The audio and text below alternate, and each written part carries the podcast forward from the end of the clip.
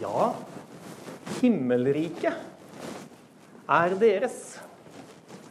Er det noen som vet om noen andre ord for himmelriket? Kom med forslag. Guds rike. Guds rike, Det er helt riktig. Det er to paralleller. Det, det betyr akkurat det samme. Jeg har hørt at himmelriket er liksom en, en litt sånn ærbødig måte å si det samme som Guds rike. Ja, flere forslag. Himmelriket er noe flere andre ord man kan bruke.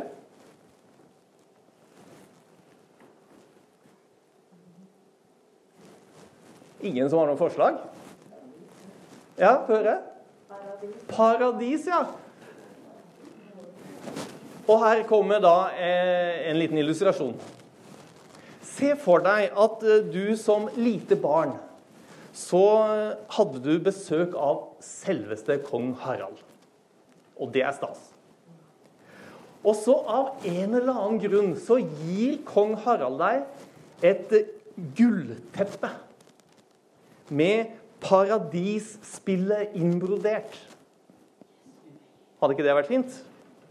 Og så hadde kong Harald sagt, overrakt deg teppet og sagt 'Paradiset er ditt'.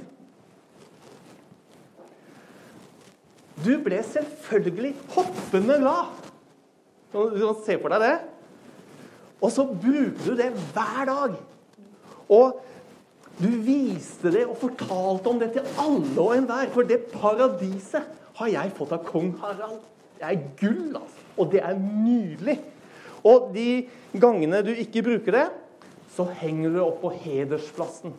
Sånn at du kan se det alltid. Ja, og til og med så tar du med deg det når du drar på tur.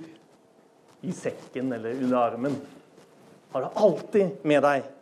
Og så blir du litt eldre. Og så er ikke så ofte du bruker det teppet lenger nå. Du legger det bortgjemt, kanskje i et skap, og der støver det ned. Og det er egentlig blitt en historie du er litt flau over nå. Og om noen skulle komme til å spørre deg Du, det derre paradiset du fikk av kongen Nei, så sier du nei. Det var nok bare en barnslig forestilling og en ønskedrøm. Paradiset fra kongen er noe du skammer deg over nå. Nå som du er blitt eldre. Jesus han sier i bergprekenen himmelriket er deres. Paradiset er deres. Ja, faktisk to ganger så står det i saligprisningen. Salig er de som er fattige i ånden, for La meg høre. Himmelriket er deres. Salig er de som blir forfulgt for rettferdighets skyld, for himmelriket er deres. Himmelriket, dere. Paradiset. Det er høydepunktet for Jesus. Det er det vakreste han har. Og før bergprekenen begynner i Matteus 5, så står det om Jesus fra da av begynte Jesus å forkynne 'Venn om, for himmelriket er kommet nær'. Og litt senere, siden dro Jesus omkring i hele Galilea. Han underviste i synagogene deres, forkynte evangeliet om riket. Det er himmelriket. Og helbredet all sykdom og plage hos folket. Vet dere forresten hva himmelriket er på engelsk?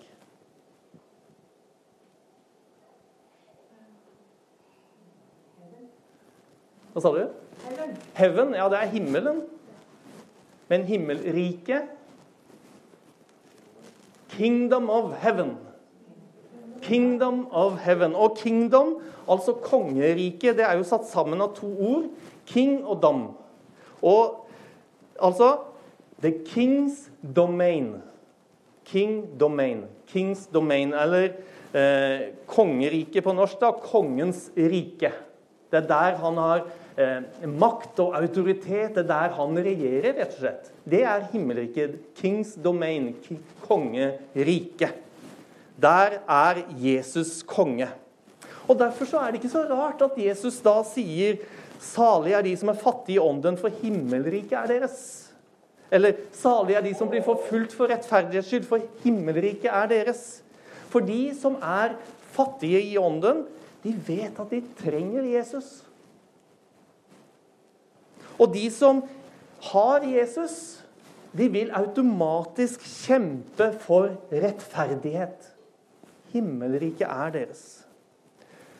Derfor er himmelriket deres rike hvor Jesus er konge. For å komme inn i dette himmelriket så må man bli født på ny, sier Jesus til Nikodemus. Det skjer ved vann og ånd. Og Paulus han sier for dere er alle Guds barn ved troen i Kristus Jesus. Alle dere som er døpt til Kristus, har kledd dere i Kristus.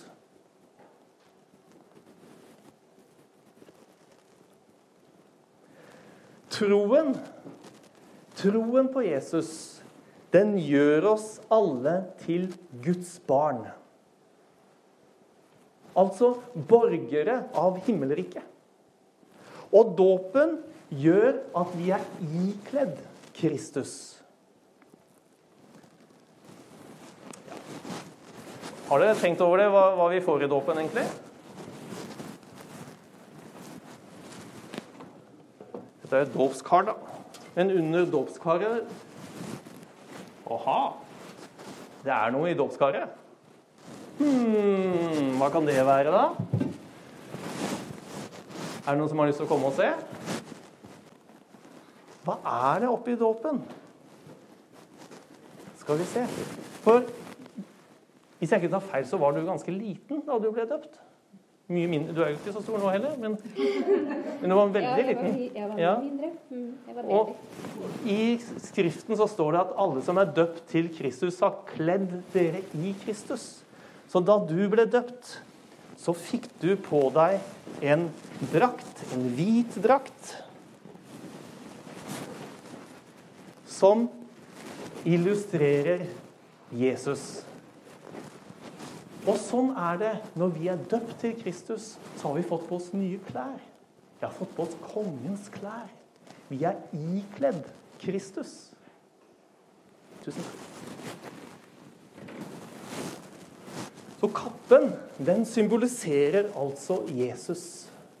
Nå er du kledd i Kristus. Jesus er klærne dine nå. Det er det du har rundt deg. Og hvis denne kappen virkelig var Jesus, så er det et vitnesbyrd på at du tilhører ham som er konge over himmelriket. Altså, himmelriket er ditt. Ville vi da gjemt vekk denne kappen, så folk ikke skulle se at himmelriket er vårt? Hvis det faktisk var en fysisk kappe, ville vi gjemt den vekk? Sånn at folk skulle se Nei, jeg tror ikke han tilhører himmelriket. Han ser ikke sånn ut. Eller hun. Ser ut som alle andre. Nei, vi ville hatt den kappen på med stolthet, ærbødighet, og vi ville levd og oppført oss etter hvordan vi var kledd. Jeg har sett på en, eh, en serie om tempelridderne. Og i den serien så er det selvfølgelig masse fantasi. Men at tempelridderne har vært, er eh, ganske sikkert. Og disse tempelridderne de hadde på seg en flott kappe. En hvit kappe med rødt kors. Og den hadde de alltid på seg. Uansett situasjon så var kappen, det korskledde kappen, var om, hadde de på seg. Enten de var på fest på Slottet, eller om de var ute i krig, eller om de var ute og ga gaver til de fattige. De hadde alltid på seg kappen som viste at 'jeg er en tempelridder'. Og de var tempelriddere uansett situasjon. Og de er stolte av kappen sin. Og den, Det symbolet har de på alt som de eier. Om det er skjoldet eller om det er hesten sin, så har de dette tempelriddermerket på for å vise her er en tempelridder. Så når de gikk gjennom byen eller red på slettene, alle som så dem, så at Oi, der er en tempelridder. Hvordan vet du det? Jo, jeg ser det på kappen. De har kledd på seg en kappe som viser at de er tempelriddere. Og slik er det, dere. Slik er det også med oss. Vi er kledd i Kristus. Vi har fått paradiset av selveste kongen. Du er ikledd Kristus, og vi er stolte av det. Og selv om det er vanskelig, så ber vi. Uansett omstendighet, uansett situasjon, så ber vi denne bønnen. La din vilje skje. Hvorfor det? Jo, himmelriket er jo vårt. Derfor så ber vi Gud, la din vilje skje.